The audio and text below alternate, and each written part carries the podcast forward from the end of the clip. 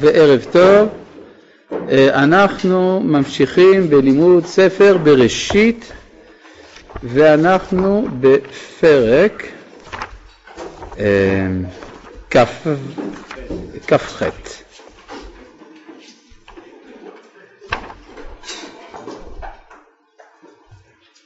בפסוק אה, ו' וירא עשיו כי ברך יצחק את יעקב ושילח אותו פדנה ארם לקחת לו משם אישה וברכו אותו ויצב עליו לאמור לו תיקח אישה מבנות כנען וישמע יעקב אל אביו ולאמור וילך פדנה ארם וירא עשיו כי ראות בנות כנען בעיני יצחק אביו כל זה ראה עשיו. וילך עשיו אל ישמעאל. ויקח את מחלת בת ישמעאל בן אברהם, אחות נוויות על נשיו לא לאישה. מחלת נקראת גם בשם בסמת במקומות אחרים, אבל אה, מה פירוש המילה, השם מחלת, זה סתם שם מוזר, לתת לאישה בשם כזה מחלת.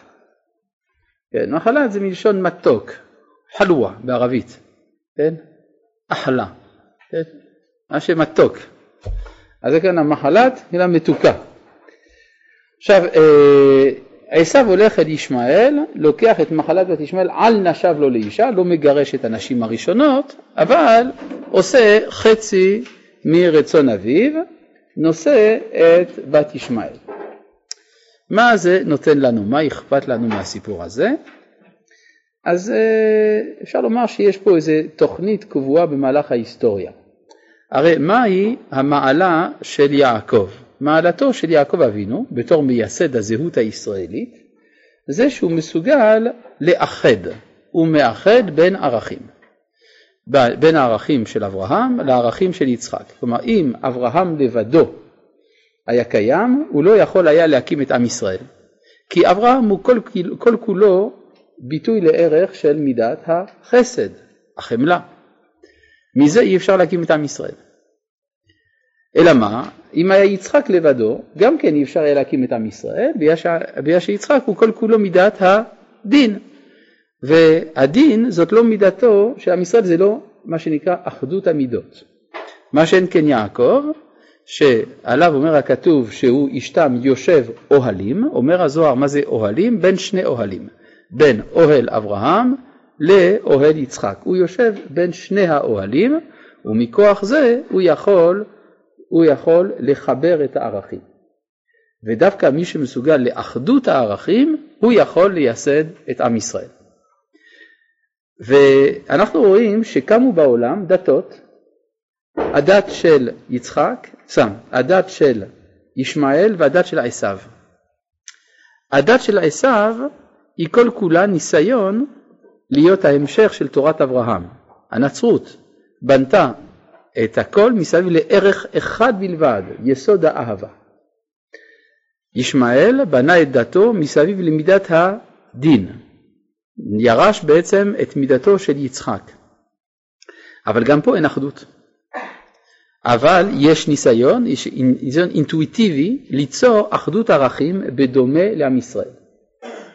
יצחק, עשיו הולך אל ישמעאל. ועל ידי החיבור הזה בין שתי המשפחות יש ניסיון להעמיד משהו שדומה לאחדות הערכים של ישראל. זה כמין טיוטה, כמין אה, אה, תחליף, תחליף בכאילו כזה של הזהות הישראלית. הזהות הישראלית זה האחדות בין אברהם ליצחק, ואז יש כאן ניסיון ליצור איזה חיבור בין ישמעאל לבין עשיו. אבל יש לשים לב לדבר מעניין, היוזמה היא עשווית, כלומר וילך עשיו אל ישמעאל. ישמעאל יש לו הנהגה של פסיביות, עשיו הוא האקטיבי בהיסטוריה, אבל הוא משתמש בישמעאל כדי להילחם בישראל. כלומר, יש כאן איזה מין רעיון כזה, הגיית הרעיון, הגות הרעיון זה עשוי, אבל כלי העבודה ישמעאלי. כי הרי זה לא מכבודו של עשיו שהוא אחיו של יעקב, יש לו תרבות משותפת, תנ"ך משותף. זה לא מכבודו לצאת ישירות למלחמה כדי לפסול את ישראל. אבל הוא משתמש בישמעאל. ישמעאל יש לו פחות סנטימנטים, כי הוא הדוד, הוא בן דוד, בן השפחה, הוא רחוק יותר. ולכן ההתנהגות שלו היא יותר פרימיטיבית, יותר ברברית. מצד שני, אין לו כוחות כמו שיש לעשו ליזום מהלכים. ולכן האימפריאליזם העשוי משתמש, בה, הייתי אומר, בנטיות הפרימיטיביות הישמעאליות כדי להילחם בישראל. זה מין משולש כזה. כן? עשו, ישמעאל, יעקב. אז כנראה שאם התורה ראתה לנכון לספר לנו את זה, כי כנראה שהדגם הזה עשוי להתחדש מספר פעמים במהלך ההיסטוריה, איזה מין ניסיון של יצירת אלטרנטיבה לאחדות המידות הישראלית. ברור? וזה אנחנו צריכים לדעת לפני הופעתו של יעקב בהיסטוריה. בואו נראה מה כתוב בפסוק י'. כן, בבקשה. אה? למה זה לא מצליח? ויש איזה זיוף. כלומר, זה אחדות שהיא מכוונת נגד מישהו, ולא אחדות עצמית. כן, אה, הייתי אומר ככה, יש גם מה שנקרא אחדות היקפית ואחדות מרכזית. למשל, יש אה, בתורות המזרח, מצאנו גם כן האינטואיציה של אחדות ההפכים. אם אתה שמעת על זה, בוודאי היין והיאנג. יש ציור כזה חמוד על הדגל של קוריאה הדרומית, רואים שם בתוך מעגל אחד שני דגים כאלה בשני צבעים, זה מייצג את היין והיאנג. היין והיאנג זה שני ערכים, אפשר לומר, היש והעין, יש כמה מקבילות, אפשר לומר, אה, לעולם, ה, לעולם המחשבה המערבית, אבל זה עולם אחר קצת, ויש גם אחדות. איפה האחדות נמצאת? האחדות נמצאת מבחוץ, כלומר יש מעגל שמקיף את הכל. אבל האחדות הזאת איננה מצליחה להוליד משהו אמצעי, דהיינו משהו פורה, אלא משהו היקפי. ולכן יש אומנם נקודה של כל אחד בתוך השני, יש נקודה אדומה בתוך השחור, נקודה שחורה בתוך האדום, אבל אין אחדות יוצרת. זה דומה קצת לאחדות של עשו וישמעאל. כן, בבקשה. מה מתבטא הקולקטיביות של ישמעאל? אה? מה מתבטא הכלי הזה של ישמעאל שעשו משתמש בו? הכוח של ישמעאל זה הכוח של הארציות. כי הרי אם אנחנו מדברים על הוויכוח שיש בין עשיו לבין יעקב. הוויכוח הוא תיאולוגי, הוויכוח הוא של מי השמיים. ואילו הוויכוח בין יעקב לבין ישמעאל זה של מי הארץ. ואז הוויכוח הוא פשוט מאוד. מי שאומר שהשמיים שלו, שולח את מי שאומר שהארץ שלו. מובן? כן?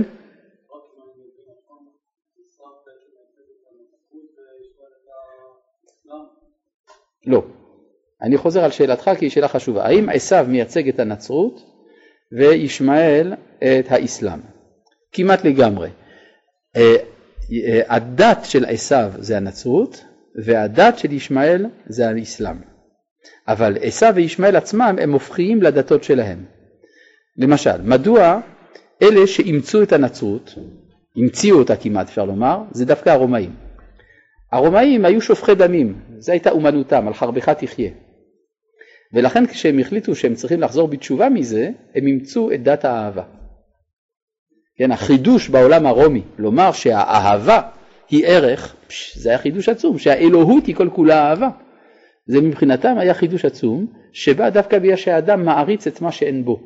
אבל מצד שני, הוא מעריץ את מה שהוא עתיד בכל זאת להפנים, כן? כלומר, אם הוא רגיש למשהו, סימן שהוא התחיל להיות רגיש לו. ואילו עמי המזרח, שאצלם הבעיה העיקרית איננה זאת, אלא גזל ועריות, כשהם רצו לחזור בתשובה מזה, אימצו דת של מידת הדין, שמחמירה בצניעות הנשים ובענישת הגזלנים. אז זה פה לא מובא, כן? לגבי ההינדו אנחנו דיברנו על זה, אבל לא כאן, דיברנו על זה בפרשת חיי שרה. בסדר? אז עיין שם היטב ודעת לנפשך ינעם. ובכן, אנחנו אם כן מתוך כך יכולים להגיע לפסוק י', כיוון שלמדנו את פסוק ט'. אין לנו ברירה אלא ללמוד את פסוק י' ויצא יעקב מבאר שבע וילך הרן. פה זה, הפסוק הזה אפשר לומר שהוא מהפכה. זאת הגלות הראשונה בהיסטוריה של עם ישראל. כי עם ישראל פה מופיע בתור אדם אחד, זה עוד לא ממש עם, אבל זה מי שעתיד להיות העם, פתאום קם אדם בבוקר, הוא מרגיש כי הוא עם, מתחיל ללכת. ו... אז זה מה שקורה כאן, ויצא יעקב מבאר שבע. כאן מתחילה ההיסטוריה היהודית. צריך לשים לב לזה. ואיך היא מתחילה? בגלות. האמת היא שגם ההיסטוריה של האבות התחילה מתוך גלות. כשאנחנו למדנו את פרשת נוח, ראינו שבסיומה של פרשת נוח אנחנו פוגשים את המשפחה העברית הראשונה שיש לנו עליה ידע כלשהו, מידע כלשהו, ואנחנו רואים שמה שהתורה מספרת לנו זה שהם בגלות. ושההתחלה של ההיסטוריה זה איך לצאת מן הגלות. כך מתחילה ההיסטוריה של האבות. אז כמו כן, כדי לבסס את עם ישראל, צריך קודם כל שהאב המייסד, דנו יעקב, יצא לגלות ויצא ממנה. למה זה כך? כי זה עניינו של עם ישראל. זה עניינו של עם ישראל להוציא את העולם מגלותו. אולי אני אסביר את זה קצת יותר בהרחבה. יש, אה, אני אגיד אולי משהו קצת יותר רחב. הקדוש ברוך הוא ברא את עולמו, כן? זה כתוב בתורה, לא? בראשית ברא אלוהים את השמיים ואת הארץ, ואיך הוא ברא את עולמו? אומרים לנו במשנה במסכת אבות, בעשרה מאמרות נברא העולם. מה פירוש בעשרה מאמרות נברא העולם? עשר פעמים כתוב ויאמר אלוהים, יהי אור, יהי רקיע וכולי. למרות שזה רק תשע פעמים, חז"ל אמרו שזה עשר פעמים וצריך ללמוד מדוע הם אמרו שזה עשר למרות שזה רק תשע. על כל פנים בעשרה מאמרות נברא העולם. נשאלת השאלה, האם העולם הוא גילוי האלוהים או הסתרת האלוהים? באופן אמיתי נאמר, ברור, ברור שהעולם מגלה את מי שברא אותו. אבל באופן מציאותי העולם מסתיר את מי שברא אותו. לכן אמרו הדרשנים עולם מלשון העלם. זה מעלים, טבע מלשון לתבוע. כן, זה מטביע את האלוהות. זאת אומרת שאנחנו בעולם שבו הנברא נמצא בגלות מן האלוהות. ומי יכול להרגיש, אז, אז, אז, אז צריך, צריך להוציא את העולם מגלותו. מי יודע שהוא, מי יכול להוציא את העולם מגלות? מי שיודע שהוא בגלות. איך יכולה אומה לדעת שהיא בגלות אם היא נולדת בגלות? כל אומה נולדת בארצה. וכאן יש אומה שנולדת מתוך גלות, ולכן היא יודעת, היא מפתחת את המודעות לזה שהעולם בגלות מן האלוהות, ואני אגיד משהו יותר חריף, שהאלוהות נמצאת בגלות מהעולם. ולכן צריך לדעת להפוך את המאמרות שהקדוש ברוך הוא ברא בהם את העולם, להפוך אותם לדיברות, להתגלות. וזה מה שנאמר, האומר, במשנה נאמר, כל האומר דבר בשם אומרו, מביא גאולה לעולם. פירוש הדבר, מי שהופך את המאמרות לדיברות, גואל את העולם מגלותו. ולכן אנחנו חווים במובן הלאומי את המעמד של האדם בכלל ושל העולם בכלל ביחס לאלוהות. ולכן אנחנו נולדים בגלות, זה מובן? כן. אה, ולכן כדי לגלות, כדי לצאת מן הגלות צריך לגלות את מה שנסתר בעולם. לכן נאמר בספר הזוהר שעל ידי לימוד חוכמת הקבלה יצאו ישראל מן הגלות ברחמים. וזה כבר האמת היא נאמר כבר במשנה, אבטליון אומר חכמים שימו את הזוהר בדבריכם שלא תחובו חובת גלות. ברור? בבקשה. כן, אמרתי את זה. כלומר, כן, כשאני אמרתי שהאלוהות נמצאת בגלות מהעולם, זה כלומר שהיחס בין הבורא לעולם זה מתפקד כאילו שהקדוש ברוך הוא מעוניין בפגישה איתנו. ובינתיים יש מסכים ואנחנו עובדים על סילוק המסכים. על זה נאמר לישועתך קיוויתי השם, שאנחנו כאילו מושיעים את השם מן הבדידות שלו אפשר לומר. זה מושגים קצת אנושיים אבל הם מלאי משמעות אם אולי פעם נעסוק בהם. טוב, אז בואו נראה, ויצא יעקב מבאר שבע, וילך חרנה. הביטויים האלה, ברור שטוב, זה מדובר בנקודות גיאוגרפיות, כן, באר שבע אנחנו יודעים איפה זה, חרנה גם אנחנו יודעים איפה זה, אבל למה התורה משתמשת בביטויים האלה? הייתה יכולה להגיד ויצא יעקב אל לבן אחי אמו, כן? אלא חרן מבטא מצב מסוים של העולם. הרי מאיפה מצאנו כבר חרן? בסוף פרשת נוח כתוב ויהיו ימי תרח חמש שנים ומאתיים שנה וימות תרח בחרן ויאמר השם אל אברהם לך לך מארצך. כלומר חרן זאת המילה האחרונה לפני ההתגלות אל אברהם. אומרים חז"ל עד אברהם יש חרון אף בעולם. יש חרון אף בעולם אפילו בספרי תורה של רש"י הנון הייתה הפוכה הנון של חרן למרות שבספרי תורה שלנו זה לא כך, אבל אצל רש"י זה כך היה, כן, וימות תרח בחרן, שיש עד אברהם יש חרון אף בעולם. מה זאת אומרת חרון אף בעולם? זה עולם ללא תקווה, ללא משמעות. אברהם מגלה על ידי הדיבור האלוהי שחל בו, הוא מגלה משמעות לעולם, הוא נותן כיוון לעולם. לכן שאומר, כשיעקב יוצא לחרן, הוא יוצא אל ההיסטוריה הקדומה. הוא בעצם בא עם תפקיד מאוד חשוב, לגאול את העולם מחרונו. ברור? ומי שמעוניין להבין מה מכוון באר שבע, יעיין בפירושו של האור החיים על הפסוקים האלה, שמסביר שבאר שבע זה גם כינוי למחצב הנשמות, אבל זה יביא אותנו רחוק מדי, לכן לא נעסוק בזה. זהו, אין חרון אף בעולם מאברהם ואילך במשפחת אברהם. כלומר, במשפחת אברהם נוצרת בועה, בועה של אור, של תקווה. ומייצרים את זה בתוך אה, איזה מין אה, כלי סגור, אינקובטור, נקי, סטרילי. אחר כך צריך להפיץ את זה בעולם. הרי אמרו רבותינו, מדוע, ש... לא, לא רבותינו, אנחנו בתורה בעצם, שהאימהות היו כולן עקרות. שרה, רבקה, רחל, לאה, כולן עקרות. מה זה בא לומר? שעל פי הטבע עם ישראל לא יכול להיוולד. אז אם הוא נולד, זה מעבר לטבע. אז אם כן, יש תקווה להשתחרר גם מן האחיזה של הטבע. ברור? וילך חרן. זה המשימה שלו. ויפגע במקום. מה פירוש ויפגע? נפגש. כן? איך נפגשים? אם המקום זה המקום, זה בסדר. אז הוא פוגש מקום. אבל כתוב ויפגע במקום, משמע שהמקום ידוע. אם זה המקום הידוע, אז זה המקום האבסולוטי. המקום האבסולוטי, הקדוש ברוך הוא, שהוא מקומו של עולם. לכן, איך נפגשים עם הקדוש ברוך הוא, ויפגע במקום, זה כבר על ידי תפילה. כן, לפגוע בתנ"ך פירושו גם להתפלל. כן, ואל תישא באדם רינה ותפילה ואל תפגע בי. יוצא שחז"ל אמרו שכאן יעקב תיקן תפילת ערבית. זה מעניין. איך תפילת ערבית, ואיפה ויפגע במקום, יוצא לגלות? פשוט מאוד. מה זה הגלות? זה הלילה. מי אמר שאפשר לפגוש את האלוהות, את אלוהי ישראל, דרך מצב של היעדר? דרך הלילה. האמת היא, השאלה הזאת היא שאלה רצינית מאוד. האם ברגע שעם ישראל חדל מחייו הלאומיים והוא יוצא לבין האומות, האם הוא עדיין מי שיכול לפנות אל האלוהים? האם הוא עדיין הכתובת לדעת אלוהים? שאלה זו נשאלה בתחילת המשנה, בספר הראשון של התורה שבעל פה. בתחילת התורה שבעל פה. איך מתחילה המשנה הראשונה בספר המשנה? היא מתחילה בשאלה, האם ניתן לייחד את שם השם על ישראל במצב של היעדר? נכון? ככה, ככה פותחת המשנה. בשאלה הזאת, האם ניתן לייחד שמו של הקדוש ברוך הוא על ישראל במצב של היעדר גילוי? זה כתוב בשפה אחרת, כן, אני תרגמתי את זה לעברית מודרנית. בעברית של תקופת המשנה כתוב מאימתי קוראים את שמה בערבית. אבל זה בדיוק השאלה, מה זה לקרוא את שמה? לקרוא את שמה זאת המצווה, להודיע שמה ישראל השם אלוהינו, השם אחד.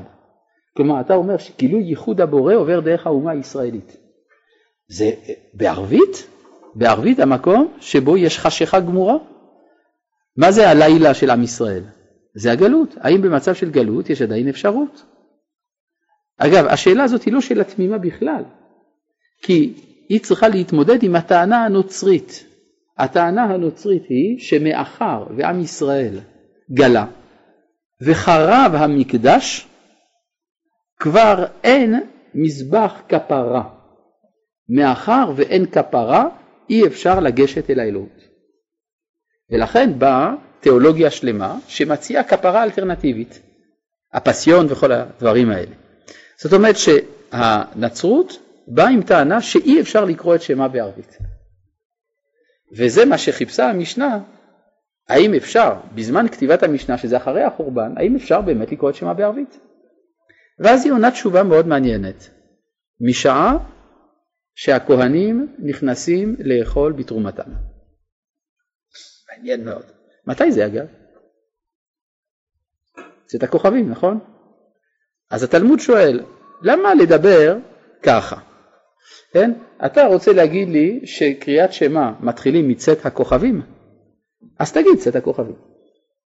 למה אתה אומר לי? משעה שהכהנים נכנסים לאכול בתרומתם, ואז אני צריך לעשות חשבון, רגע, מתי הכהנים נכנסים לאכול בתרומתם?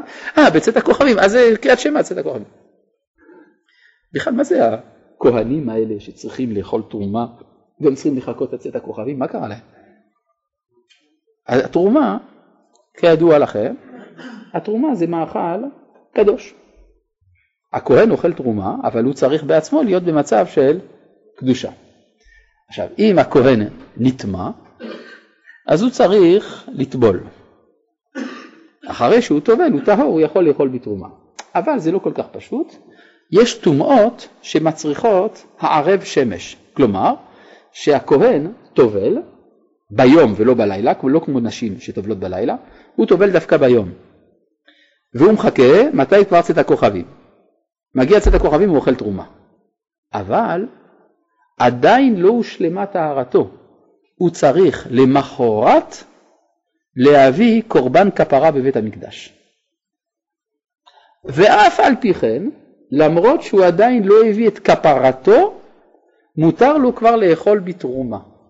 אומר התלמוד, זה בעצם מה שהתכוון מחבר המשנה ללמד אותך, שאין, שביאת שמשו מעכבתו מלאכול בתרומה, ואין כפרתו מעכבתו מלאכול בתרומה.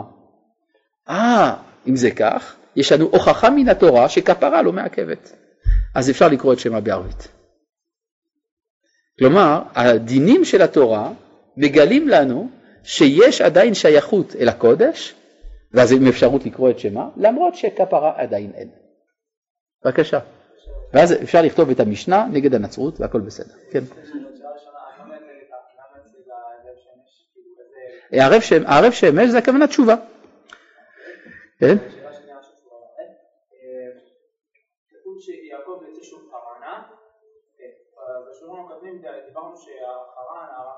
אמינה, אז כאילו למה יעקב עוד פעם עוזב את הלכתחילה, יוצא שוב כדי לחזור שוב ללכתחילה, להישאר בארץ ישראל, תפיס את, שבועה של כאילו נכון. כן, לכאורה, מה זה לכאורה לחזור לטעות של הגלות? למה הוא יוצא בכלל אל הגלות, כן? יש שתי סיבות, אחת בגלל שרוצים להרוג אותו, אז אין לו ברירה, כן, כן, לא כך קל. אתה אומר לברוח לאילת, אילת זה הר שעיר, אתה יודע, זה קרוב שם, עשו בדיוק מסתובב שם. אבל הייתי אומר בצורה פשוטה, יש לו שליחות שם. כלומר, הוא לא הולך להתמזג עם הארמיות, אבל יש לו שליחות להביא משם את ניצוצות הקדושה. יש שם ניצוץ גדול מאוד, רחל קוראים לו. זה הטיפות האחרונות של הקדושה שנמצאת בבית נחור, ואת זה הוא בא להעלות. עכשיו, צריך להבין שזה מתוך מצב של נחיתות מוסרית, כי הרי מה, מה אמרו עליו? אמרו עליו בעצם, הוא גנב, האיש הזה. כן? יעקב, גנב. לא סתם גנב, עם ישראל, כולו, הם גנבים, עקומים, עקוב. זה בעצם מה שכולם טוענים. הנה, לקח את הברכות, לקח את הבכורה, גנב, יש לו נחיתות מוסרית ביחס לעשו. הוא צריך לעבור דרך הגלות כדי להוכיח את עליונותו המוסרית ביחס לעשו, ואת זה הוא יעשה בבית לבן, זה אנחנו נלמד איך. בסדר? אני מקדים את המאוחר. בואו נמשיך. ויפגע במקום וילן שם. בא השמש. מה פירוש בא השמש? בעברית מקראית, ביאת שמש הכוונה שקיעה. השמש שקעה. אבל בכל זאת בעברית באה השמש, יש גם קונוטציה של הגיע השמש, נכון? בא אלוהים אל המחנה, מה זה בא? הגיע, נכון? ויבוא המן, הגיע, כן? אז מה זה בא השמש? הגיע השמש. אז הוא הולך לישון כי השמש הגיע. מעניין, אז מי זה השמש? זה אח שלו, עשיו. הוא האישיות השמשית, הכובשת את העולם. כן, דיברנו על זה כמה פעמים שיש אה, תרבויות שמשיות ותרבויות ירחיות. יש מי שבא לכבוש את העולם בבחינת שמש, זה תרבות שמשית. אז מגיע הזמן בהיסטוריה שבו עשיו מנהל את העניינים, יעקב עכשיו ב standby, הוא בתרדמת, תרדמת של, של גלות, ובאותו זמן, בהחלט, זה הזמן שבו עשיו צריך לנהל את העולם, ואת זה הוא עשה במשך אלפיים שנה כמעט, בזמן גלות אדום. ויקרא, אבל בזמן הגלות יש בכל זאת ממד של תפילת ערבית. ובתפילת ערבית הוא אומר, קשר נסתר דרך החשיכה.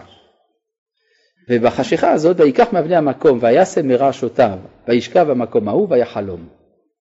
החלום צורת החיים של עם ישראל בגלות. הגמרא אומרת מי שלא חולם שבעה ימים רשע. למה? בגלל שאם אתה לא חולם זה סימן שאתה מסתפק בעולם כמות שהוא. אתה מרוצה ממצב העולם, אתה לא חולם על משהו אחר, איזה רשעות, העולם גרוע, הרי העולם רע, בניגוד לדעת הגשש, הרי העולם לא מצחיק, אז לכן איך אפשר לא לחלום?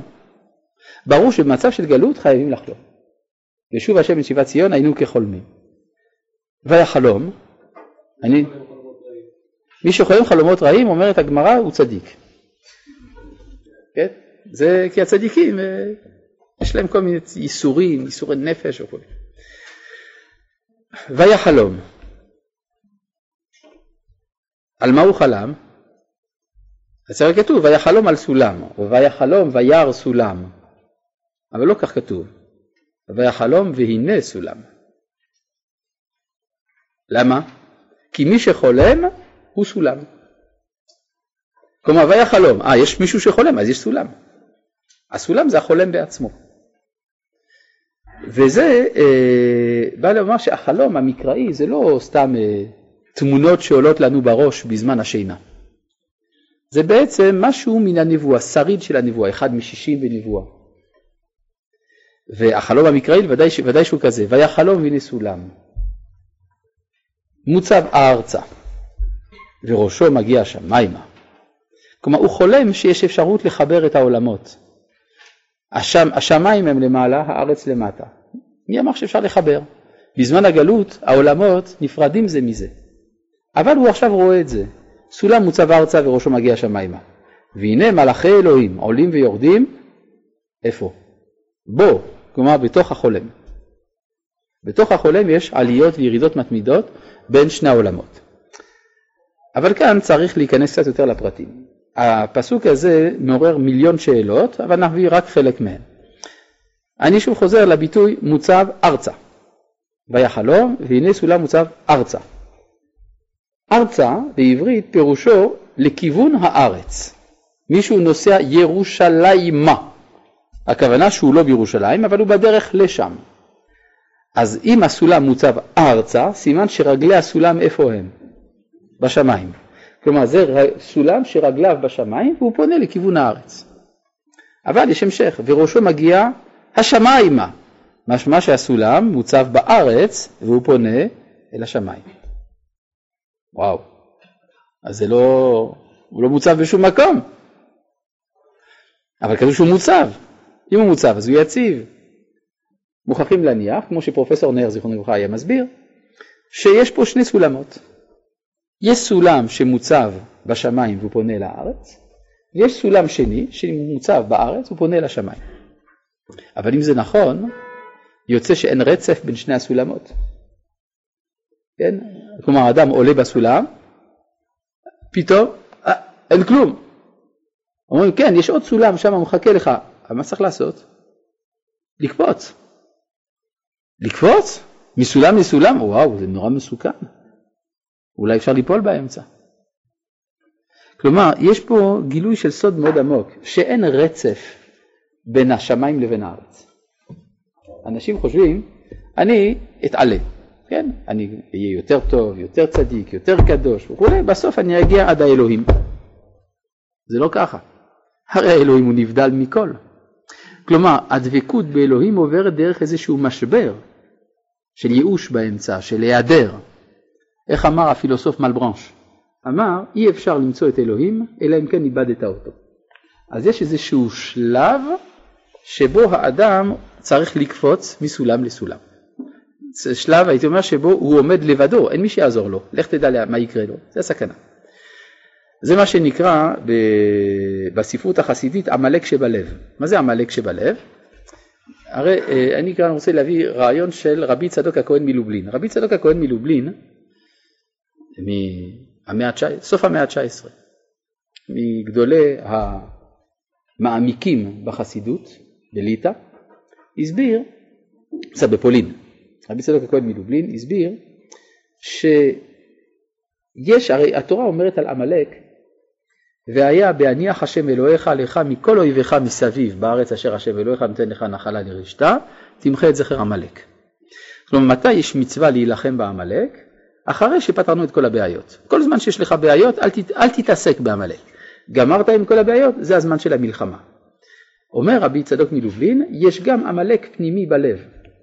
כל זמן שיש לאדם בעיות, אז זה מובן שיש לו קושי של דבקות באלוהים. למשל מישהו אומר, אה, אני לא מרגיש את אלוהים.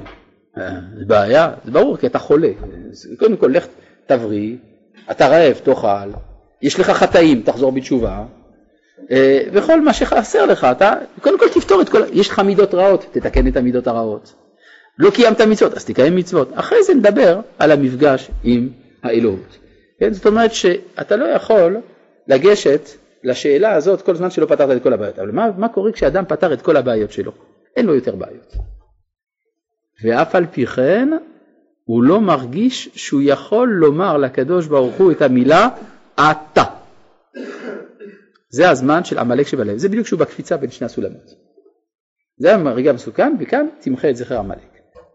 זאת אומרת שה... איך קורא לזה רבי צדוק מלובלין? היעדר הכרת הנוכח. אי אפשר לומר לקדוש ברוך הוא אתה בלשון נוכח זה המצב של עמלק שבלב, וכאן פה יש רמז גם כן לשני הסולמות האלה. המוטיב הזה יחזור כמה פעמים בחיים של יעקב אבינו. גם במאבק שלו עם המלאך בלילה, זה גם כן הבחינה הזאת. כן. איפה כתוב שסולם אחד? סולם, אתה צודק. ביחד שני הסולמות יוצרים סולם. אבל צריך לדעת שזה סולם עם חור באמצע. כן. והנה מלאכי אלוהים, מה אתה אומר? אני לא יודע. והנה מלאכי אלוהים עולים ויורדים בו. בציור הרגיל שלנו, איפה המלאכים נמצאים? למעלה או למטה? למעלה. כן? למעלה זה המלאכים, למטה זה בני אדם. אם כן היה צריך להיות כתוב, לפחות אם אני הייתי כותב את הפסוק, מזל שלא שאלו אותי, אני הייתי כותב והנה מלאכי אלוהים יורדים ועולים בו. יש אפילו מדרש שאומר את זה. אחד המדרשים אומר שבהתחלה באמת המלאכים היו למעלה והקדוש ברוך הוא אמר להם תרדו בסולם יש מישהו מעניין למטה לראות. הם ירדו ראו אדם ישן. ישן? לא מעניין. כלומר אדם שאיבד את ההכרה שלו אז זה לא אדם. עלו בחזרה ראו את כיסא הכבוד, בכיסא הכבוד יש דמות דיוקנו של יעקב אבינו, אמרו אה זה מי שראינו למטה, ירדו לראות מי זה. כן? ככה המדרש אומר, מעניין, מדרש יש חוש הומור, אבל צריך להבין, בכל זאת, הרי אם הסברנו שבו זה בחולם עצמו, זה אומר שיש בתוך האדם משהו שרוצה לעלות למעלה, והנה מלאכי אלוהים עולים. משהו בנו משתוקק אל העולם העליון. אבל השאלה היא מה עושים שם, האם צריך להישאר תקועים למעלה? אם היינו אומרים שצריך להישאר תקועים למעלה, היינו אומרים שהיהדות היא כל כולה ספיריטואליסטית, היא רוחנית, היא בעד ניתוק של האדם מן העולם הזה והפנייתו לעולם העליון. כן, כי זה כך יכולנו לחשוב. כן, הנה מלאכי אלוהים עולים ועולים ועולים ועולים, וזהו. עד שהאדם נבלע בתוך מקור החיים ולא חוזר. על זה נאמר ויורדים בו. המטרה של התורה היא שבסופו של דבר כל העליות הרוחניות יביאו קדושה אל העולם, לא לנתק את האדם מן העולם. לכן המילה סולם היא בגמטריה סיני. הר סיני זה גם כן הזמן שבו עולים ויורדים. הרי זוכים להערה עצומה, אנוכי השם אלוהיך אשר הוצאתיך מארץ מצרים, נו ומה באת להגיד לי? קבל את אביך ואת אמך. כן, זאת אומרת, באים לטפל בבעיות הארציות הממשיות. כן? שני סולמות הכוונה שאין רצף בין האדם, בין העולם לבין האלוהות, כן? אלא יש איזה שלב שבו האדם צריך לעשות בעצמו את הקפיצה. כן, משל למה הדבר דומה? למי שיצא לטיל שיצא מכוח הכבידה של כדור הארץ ועדיין לא הגיע לכוח הכבידה של הירח, הוא, הלך, הוא יכול ללכת לאיבוד, יש איזה רגע מסוכן כזה. כן. והנה השם ניצב עליו. על מה? על מה השם ניצב? על יעקב. על יעקב כמובן. ויאמר, אני השם, אלוהי אברהם אביך ואלוהי יצחק. אז פה ביטוי מאוד חריף. אם הוא אלוהי אברהם ואלוהי יצחק, אז הוא ניצב גם על אברהם ועל יצחק. ודווקא כאן כתוב, הנה השם ניצב עליו, על יעקב ולא על אברהם ויצחק. כלומר, הרצון האלוהי עובר למי שמסוגל לעשות את אחדות המידות ולא מי, שמפ... מי שקונה רק מידה אחת, שיכול לטעות חלילה אל פירוד המידות, הפרדת המידות. והנה השם ניצב עליו דווקא, ויאמר, אני השם אלוהי אברהם אביך ואלוהי יצחק. שימו לב לביטוי, אברהם נקרא אביך. ומה עם יצחק? אלוהי יצחק. פשוט מאוד. זה שיצחק הוא אביך כולנו יודעים. החידוש זה גם אברהם הוא אביך. זאת אומרת שיעקב איננו יכול להיות מוגדר כבנו של יצחק בלבד. הוא חייב להיות הבן של שני אנשים, זה דבר נדיר, להיות בן של שני זכרים זה דבר קשה מאוד, גם של הסבא וגם של הבן, גם של אברהם וגם של יצחק, איך אפשר? זה, זה כנראה עובד ככה.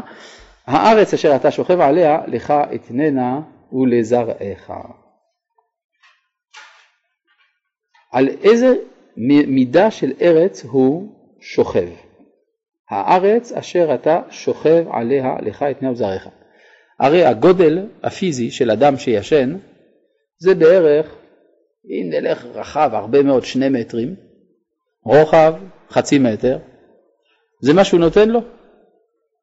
לכן חז"ל אמרו דבר מתבקש מאוד, התקפלה כל ארץ ישראל מתחתיו, לכן הארץ אשר אתה שוכב עליה. אתם מאמינים לזה? מה לא? חז"ל אמרו מה? אם רש"י אומר, זה אמת, נכון? כן? ככה, אתה אוכל כל לוג שאתה. אה? רש"י זה רש"י, זה ברור. תזכרו דבר אחד, זה בחלום. בחלום הכל אפשרי. אפשר לשים לו את כל כדור הארץ מתחתיו גם. בסדר? זה, זה, זה בחלום. זה כמו שיש כאלה שאומרים שבבית אל נמצאו שליבות הסולם של יעקב, רק בעיה שזה בעיה בחלום. כן? או שבפירמידות מצאו שבפירמידות מצאו שלדים של שבע פרות שמנות שבתוכם שלדים של שבע פרות רזות. גם זה היה בחלום. טוב. אבל שימו לב לברית, הברית היא על הארץ, אבל זה בדיוק בזמן שהוא יוצא לגלות. אז זה אומר שהגלות היא זמנית, והיה זרעך כעפר הארץ. לא סימפטי בכלל. אני, אני זוכר שאצל אברהם כתוב ש... אנחנו נהיה ככוכבי השמיים. כוכבי השמיים זה זוהר, זה יפה, אפשר גם לפגוע בזה, אבל עפר הארץ, כולם דורכים על העפר. אמרו חז"ל, נכון, כולם דורכים, אבל בסוף הוא מכסה את כולם. כלומר, יש פה נצח. בחינת העפר היא בחינה של מה שנצחי וקבוע. כן, במיוחד לפי הציור של הקדמונים שחשבו שכדור הארץ לא זז, שהוא במרכז כל העולם כולו, אז זה עוד יותר מחזק את. התפיסה הזאת. והיה זרחה כעפר הארץ, ופרצת ימה וקדמה וצפונה ונגבה ונברחו בך כל משפחות האדמה ובזרעך. מה הפירוש ופרצת ימה וקדמה וצפונה ונגבה? איפה? בכל העולם כולו. אל תשכחו שזה ציור של גלות. זה לא ופרצת ימה וקדמה בכל גבולות ארץ ישראל. פה מדובר על אף על פי שזרעך יהיה כעפר הארץ, וכולם ידרכו עליו, אבל תהיה השפעה אוניברסלית סמויה דרך הגלות. ונברחו בך כל משפחות האדמה וזרעך. מה פירוש ונברחו? לא והתברכו. כן, ביצחק אבינו כתוב והתברכו בזרעך כל גויי הארץ. כך כתוב בסוף העקדה. אבל כאן כתוב ונברחו, מלשון הברכה, שיתחברו אליך. תהיה הברכה, חיבור, כמו שגם מצאנו באברהם אבינו. והנה אנוכי עמך ושפרתיך בכל אשר תלך והשיבותיך אל האדמה הזאת כי לא אעזובך עד אשר אם עשיתי את אשר דיברתי לך אם כן, הקדוש ברוך הוא כאן מתגלה כציוני. כלומר, שההיסטוריה בנויה על תנועה של יציאה וחזרה. יוצאים אל החוץ וחוזרים אל הפנים. זה בעצם התנועה, תנועת השיבה. שיבת ציון כבסיס, כמין, הייתי אומר, כעמוד שדרה של ההיסטוריה הישראלית. כן? זה בעצם מה שזה אומר. ויקציה, כן בבקשה? אגב, שמתם לב שכשאמרתי את המילה ציוני, צחקו, ואני אסביר לכם למה. בגלל שתמיד אנחנו מופתעים כשאנחנו מבררים שמה שאנחנו מאמינים זה גם נכון. כן, בבקשה.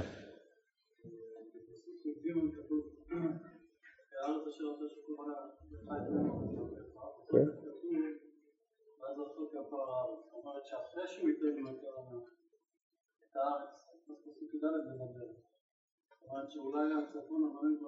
אני מבין. אתה אומר, אולי לא קראתי נכון, אולי פרצת ימה וקדמה זה אחרי שאני נותן לך את הארץ. אבל יש פה בעיה, מה עם פסוק ט"ו? והשיבותיך אל האדמה הזאת.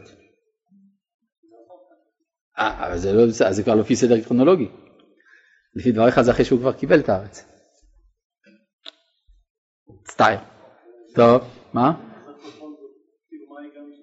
אתננה זה, זה קניין, זה לא שבפועל הוא שם. הארץ היא תמיד הייתה שלנו גם כשלא היינו בה. זאת הייתה ארץ ישראל. היה גוי אחד בשם מרק טוויין, הוא, שמו האמיתי היה סמואל קלמנס מארצות הברית. הוא ביקר פה בארץ במאה ה-19 והוא תיאר את הארץ כריקה מתושבים, כמעט. יש פה ושם, אומר כמה ערבים, באו עם רוח המדבר שנשאה אותם, ומחר רוח המדבר תיקח אותם. אין פה שורשים לאף אחד. גם אה, היה גוי אחד מצרפת בשם שאטובריאן, גם כן קצת לפני מרק טווין, גם כן הגיע לכאן, ראה ארץ ריקה, ירושלים מלאה במחלות, כמה אלפי אנשים, שום דבר רציני. בדרך מיפו לירושלים הוא פגש אדם אחד. מיפו לירושלים, פגש אדם אחד, ערבי בשם אבו גוש, ושהוא האבא של כל ערביי אבו גוש. כן? הוא אדם אחד הוא פגש. לא, קראו לצרפתי שאטובריאן. בתקופת נפוליאון, תחילת המאה ה-19. הוא מספר, כלום, הכל ריק. שניהם כותבים, גם מרק טוויין, גם הצרפתי הזה, כותבים, רואים שהארץ הזאת, שהייתה פוריה כל כך בימי קדם, מחכה לבעליה האמיתיים. מצפה שהם יעברו. כן? כשהם באים, אז אחרים גם כן עולים טרמפ. אבל מצד האמת, פה היה ריק. כן, הם התכוונו ליהודים. עכשיו. כן. זו שאלה מאוד יהודית. טוב. פסוק ט"ז. אתם זוכרים מה שלמדנו, דיברנו גם על זה אז, כשעמדנו על ההיריון של רבקה אימנו, שבתוך אה, בטנה היו שני תאומים, והיא לא ידעה בדיוק, היא חשבה הרי שזה ולד אחד, אבל היא הרגישה ברוח הקודש שמתגלות פה שתי נטיות, אחת לעולם הזה, אחת לעולם הבא. אז היא אמרה, היא לא, היא לא יודעת מיהו אלוהי הילד הזה. האם זה אלוהי העולם הבא, או אלוהי העולם הזה. הקדוש ברוך הוא בתור אלוהי העולם הבא נקרא בשם אנוכי. זה מי שפגשנו כשפרחה נשמתנו בהר סיני. אנוכי השם אלוהיך. כשהקדוש ברוך הוא אלוהי העולם הזה, מתגלה בעולם הזה, נקרא זה, הנה אלוהינו זה, או זה אלי וענווהו. אז היא אמרה, ותאמר אם כן למה זה אנוכי? למה אני מרגישה שהאלוה של הילד הזה לפעמים הוא זה, לפעמים הוא אנוכי. ותלך לדרוש את השם. ואז השם, ויאמר השם לה שני גויים בבטנך, אז עכשיו זה מסביר את הכל. עכשיו יוצא לפי זה, שכשאנחנו עם זה מתכוונים לעולם הזה, לארץ, כשאומרים אנוכי מתכוונים לשמיים. מה גילה יעקב בחלום שלו? הוא גילה שיש סולם שמחבר בין שמיים לארץ. אז אומר, ויקץ יעקב משנתו ויאמר אכן יש השם במקום הזה ואנוכי. לא ידעתי. לא הכרתי מציאות כזאת לפני ההתגלות הזאת. חשבתי שיש פה שני עולמות, גם לפחות בגלות. ואז הוא גילה שיש סולם. הסולם נעשה על ידי החלום. מי שלא חולם, לא חוזר. כי מי שלא חולם מתרגל למציאות. אבל בגלות עם ישראל כל הזמן חי בחלום, ולמרות שהמציאות הייתה מסביב איומה ונוראה, היה אומר כל בוקר אשרינו מה טוב חלקנו מה נעים גורלנו. כן? זאת אומרת שבגלל שהיינו בחלומות, חלמנו על עולם אחר מהעולם שבו היינו. אז זה מה שראינו כאן בחלום. בעצם כל מה שקורה כאן מסביב לחלום הזה, זה בעצם הדגם של עם ישראל בגלות. וירא ויאמר, מה נורא המקום הזה. אין זה כי אם בית אלוהים וזה שער השמיים. יש לשים לב פה שהמילה זה חוזרת שלוש פעמים בפסוק. מה נורא המקום הזה, אין זה כי אם בית אלוהים וזה שער השמיים. מה זה הסיפור הזה? שלוש פעמים זה. אמרו החסידים, הרי התקפלה כל ארץ ישראל מתחתיו. אז הוא אמר, מה נורא המקום הזה? התכוון לקדושת ארץ ישראל. אין זה כי אם בית אלוהים הרגיש את קדושת המקדש, גם זה היה מתחתיו. וזה שער השמיים, התכוון לקודש הקודשים. כלומר, יש מדרגות מדרגות בקדושת הארץ, ארץ ישראל, בית המקדש, קודש הקודשים.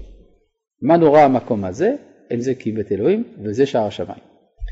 הדבר הזה מלמד אותנו משהו מאוד חשוב. אתה לא יכול להגיע לשער השמיים לפני שהגעת קודם כל לארץ ישראל ולמקדש. כלומר, אי אפשר להתחבר אל האלוהות בישראל בלי לעבור דרך הממד הלאומי קודם, ארץ ישראל. ומתוך כך אל ממד המלכות, המקדש. ומתוך כך אל האלוהות, בשער השמיים, קודש הקודשים. אגב, איפה זה היה כל הסיפור הזה? בבית אל. איך בית אל, בית אלוהים? איך יכול להיות?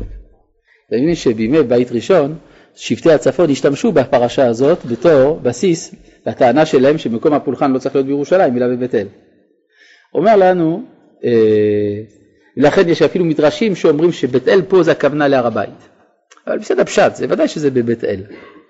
אומר רבי יהודה הלוי בספר הכוזרי, היו מקומות הרבה בארץ ישראל שראויים להיקרא בשם שער השמיים. כלומר, יש מקומות, יש סגולה כזאת בארץ ישראל, של מפגש עם האלוהות. יש מקומות כאלה רבים. שכם, חברון, שילה, בית לחם, בית אל, ירושלים. כל אלה מקומות שבהם יש שער לשמיים. כן, בבקשה. יש גם מקומות כאלה בחוץ לארץ כמו קיבוץ האם יש מקומות כאלה בחוץ לארץ? איך אפשר? יש מקום אחד שנקרא שער השמיים בחוץ לארץ בשפה האכדית, זה עיר בבל.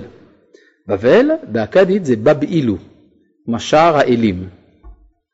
כן? וזה בדיוק מה שהתורה באה לבטל, כשהיא אומרת בבל כי שם בלל בשפת כל הארץ. היא רוצה לבטל את הטענה שיש שער השמיים שם. ברור. הרב צבי יהודה קוק היה רגיל לומר על הביטוי ארצות הברית, שזה ביטוי לא נכון, כי פה זה ארץ הברית. אז מה זה שם? זה המדינות המאוחדות של אמריקה. United States of America, כן, אז זה המדינות המאוחדות של אמריקה, אז ארץ, ארצות הברית? איזה ברית? הברית זה פה, כן, מה אתה אומר? למה מקדש זה לאומיות? כי אי אפשר לבנות מקדש בלי מלך. כן. טוב, וישכם יעקב בבוקר, ויקח את האבן אשר שם מראשותיו, וישם אותה מצבה, ויצוק שמן על ראשה, ויקרא את שם המקום ההוא בית אל, ואולם לוז שם העיר לראשונה, וידר יעקב נדר לאמור, אם יהיה אלוהים עמדי, ושמרני בדרך הזה אשר אנוכי הולך, ונתני לחם לאכול ובגד ללבוש, ושבתי בשלום אל בית אבי, והיה השם לי לאלוהים, והאבן הזאת אשר שמתי מצבה, יהיה בית אלוהים, וכל אשר תיתן לי, עשר העשרנו לך. טוב, יש הרבה פרטים, אי אפשר להיכנס אל הכל, אבל כמה הערות. קודם כל, מה זה אם יהיה אלוהים עמדי? הקדוש ברוך הוא הבטיח לו. אלא ברור כשיהיה. המילה אם בתורה לפעמים פירושה כאשר. כמו למשל בפסוק אם יהיה היובל, שברור שהיובל יהיה, אבל כאשר יהיה היובל. אז אם יהיה אלוהים כאשר אלוהים יהיה עמדי. דבר נוסף, אה, מה הוא מבקש בדרך, או שהוא הולך? לחם לאכול ובגד ללבוש. לחם ובגד, אלה הם הצרכים המינימליים של האדם, הוא לא רוצה יותר מזה. כי בגלות יש הצטמצמות של הזהות לצרכים המינימליים. ושבתי בשלום אל בית אבי והיה השם לי לאלוהים. מה, מה גנוז במילים האלה? שהשם הוא לא לאלוהים לי בחוץ לארץ. זה כתוב, נכון? וזה היסוד של דברי חז"ל, שכל הדר בחוץ על הארץ כמי שאין לו אלוה, וכל הדר בארץ ישראל כמי שיש לו אלוה. יש אפילו ביטוי חריף של רבי יוסף מסס, שהיה הרב הראשי של חיפה, כתב אה, ספר אוצר המכתבים, אז הוא אומר משהו מאוד חריף, אז אה, אני מהסס אם לומר אותו. לומר אותו? לא, לא, אפשר. כן, בכל זאת, טוב, אבל מה, זה אתם ביקשתם. הוא אומר בהקדמתו לספר אוצר המכתבים, הוא היה מגדולי הפוסקים, אחד מענקי הרוח של האומה, הוא כותב שאם כתוב, מה? להקדמת לספרו אוצר המכתבים, יש לו הרבה ספרים, אחד מהם אוצר המכתבים, הוא אומר שאם חז"ל אמרו כל הדר בחוצה לארץ כמי שאין לו אלוה וכל הדר בארץ ישראל כמי שיש לו אלוה, וחז"ל לא אמרו אם זה יהודי או גוי, יוצא לפי זה, ככה הוא אומר, שגוי בארץ ישראל יש לו מעלה יותר גדולה מיהודי בחוץ לארץ. זה חריף או לא? לומר לכם את האמת, הרב קוק התכתב איתו ואמר לו הגזמת. הגזמת. הוא לא אמר את זה במילים האלה, אבל הוא אומר, זה נראה קצת כבודו קצת אה, עבר את המידה, כן? כן? אבל זה אומר שאצל חכם אמיתי בישראל בכל זאת תחושה של עד כמה השייכות אל הארץ היא הנותנת לנו את הזהות, ומילא גם את האלוהות, היא תחושה אמיתית, חזקה מאוד. כן. והאבן הזאת, אשר שמתי, אה, אה, עוד דבר, והיה השם מאלוהים. כאן, אני רוצה להביא כאן פירוש של הרב קוק בנושא הזה, קצת מרחיב, בספר אורות הקודש. אנחנו מכירים את שם אלוהים בתור האלוהות המתגלה דרך הטבע. השם, י"ק ו"ק, האלוהות שהיא מעל הטבע. ואז יש מקום, אה, אז להיות מאוד מוזר מה שכתוב כאן, והיה השם לי אלוהים. אנחנו מצפים הרי לכאורה לעילוי של המציאות. אתה לוקח את מה שמעל הטבע ואתה הופך אותו לטבעי. והיה השם ניל אלוהים. מסביר הרב קוק, מעל הטבע זה מעל הטבע. עכשיו מסביר הרב קוק, והיה השם ניל אלוהים, שיבוא מצב שבו מה שהיום נחשב לנס, לחריג, יהיה כל כך רגיל שהוא יהיה לאלוהים. ואז מה ייחשב כנס? ניסי ניסים. כן? זה מין ציפייה כזאת להתעלות מתמדת של העולם, ממצב נמוך למצב גבוה וכולי וכולי. והאבן הזאת אשר שמתי מהצבע יהיה בית אלוהים. וכל אשר תיתן לי עשר העשר ענו לך, יש פה איזו שאלה הלכתית, הרי יעקב התחייב לתת מעשר, נכון? עכשיו יש פה בעיה, יש לנו כלל בהלכה, אין אדם מקנה דבר שלא בא לעולם. זאת אומרת, אם יש לי עץ קלמנטינות, ויש עליו קלמנטינות, אני יכול להקדיש את הקלמנטינות, יש קלמנטינות, אני אומר, הרי הן קודש. אבל אם הקלמנטינות לא גדלו, ואני אומר, הקלימנטינות העתידות לגדול הרי הן קדושות, זה לא עוזר כלום. מותר לאכול את זה גם כשזה יצא. כי אין אדם מקדיש דבר שלא בא לעולם. אז איך יעקב אבינו אומר, וכל אשר תיתן לי עשר העשר ענו לך? אומר הרמב"ם, שאף על פי שאין אדם מקנה דבר שלא בא לעולם, אבל אדם, או איננו מקדיש דבר שלא בא לעולם, אדם יכול להתחייב בנדר שכשהדבר יבוא לעולם יקדישנו. והראיה מיעקב אבינו. שהוא נדר נדר לאמור וכל אשר תיתן לי כשיגיע לידי אז אני מתחייב שעשר העשרנו לך והרעב"ד רבינו אברהם בן דוד שתמיד כותב הערות חריפות נגד דברי הרמב"ם שם כותב הראיה מיעקב ראיה היא אז בכל זאת בזכות הפסוק הזה קיבל הרמב"ם מחמאה מהרעב"ד דבר שהוא לא כל כך רגיל. עכשיו כל החלום הזה כל החלום הזה וכל הנדר של יעקב זה בעצם תמצית של כל התוכנית של הגלות. כלומר, הוא לא יכול לצאת לגלות בלי שתהיה לו תעודת ביטוח שהוא חוזר מהגלות. כלומר, הגלות כאן מופיעה במפורש בתור זמנית ולא מהותית. כן? עכשיו, אנחנו נצטרך להבין מה הוא הולך לעשות בגלות. הוא צריך, אם כן, לקנות את, את המעלה שתאפשר לו בבוא הזמן לשוב אל הארץ ולהתמודד עם המשימה המוסרית, שזה ההתמודדות עם עשיו. הרי עשיו בא בטענה של עליונות מוסרית, יעקב צריך עדיין להוכיח את עצמו, ואת זה הוא יעשה בפרק הבא, אבל כפי שאמרנו הגיע הזמן של המבזק, ואז נצטרך בפעם הבאה לדון בדבר. שלום.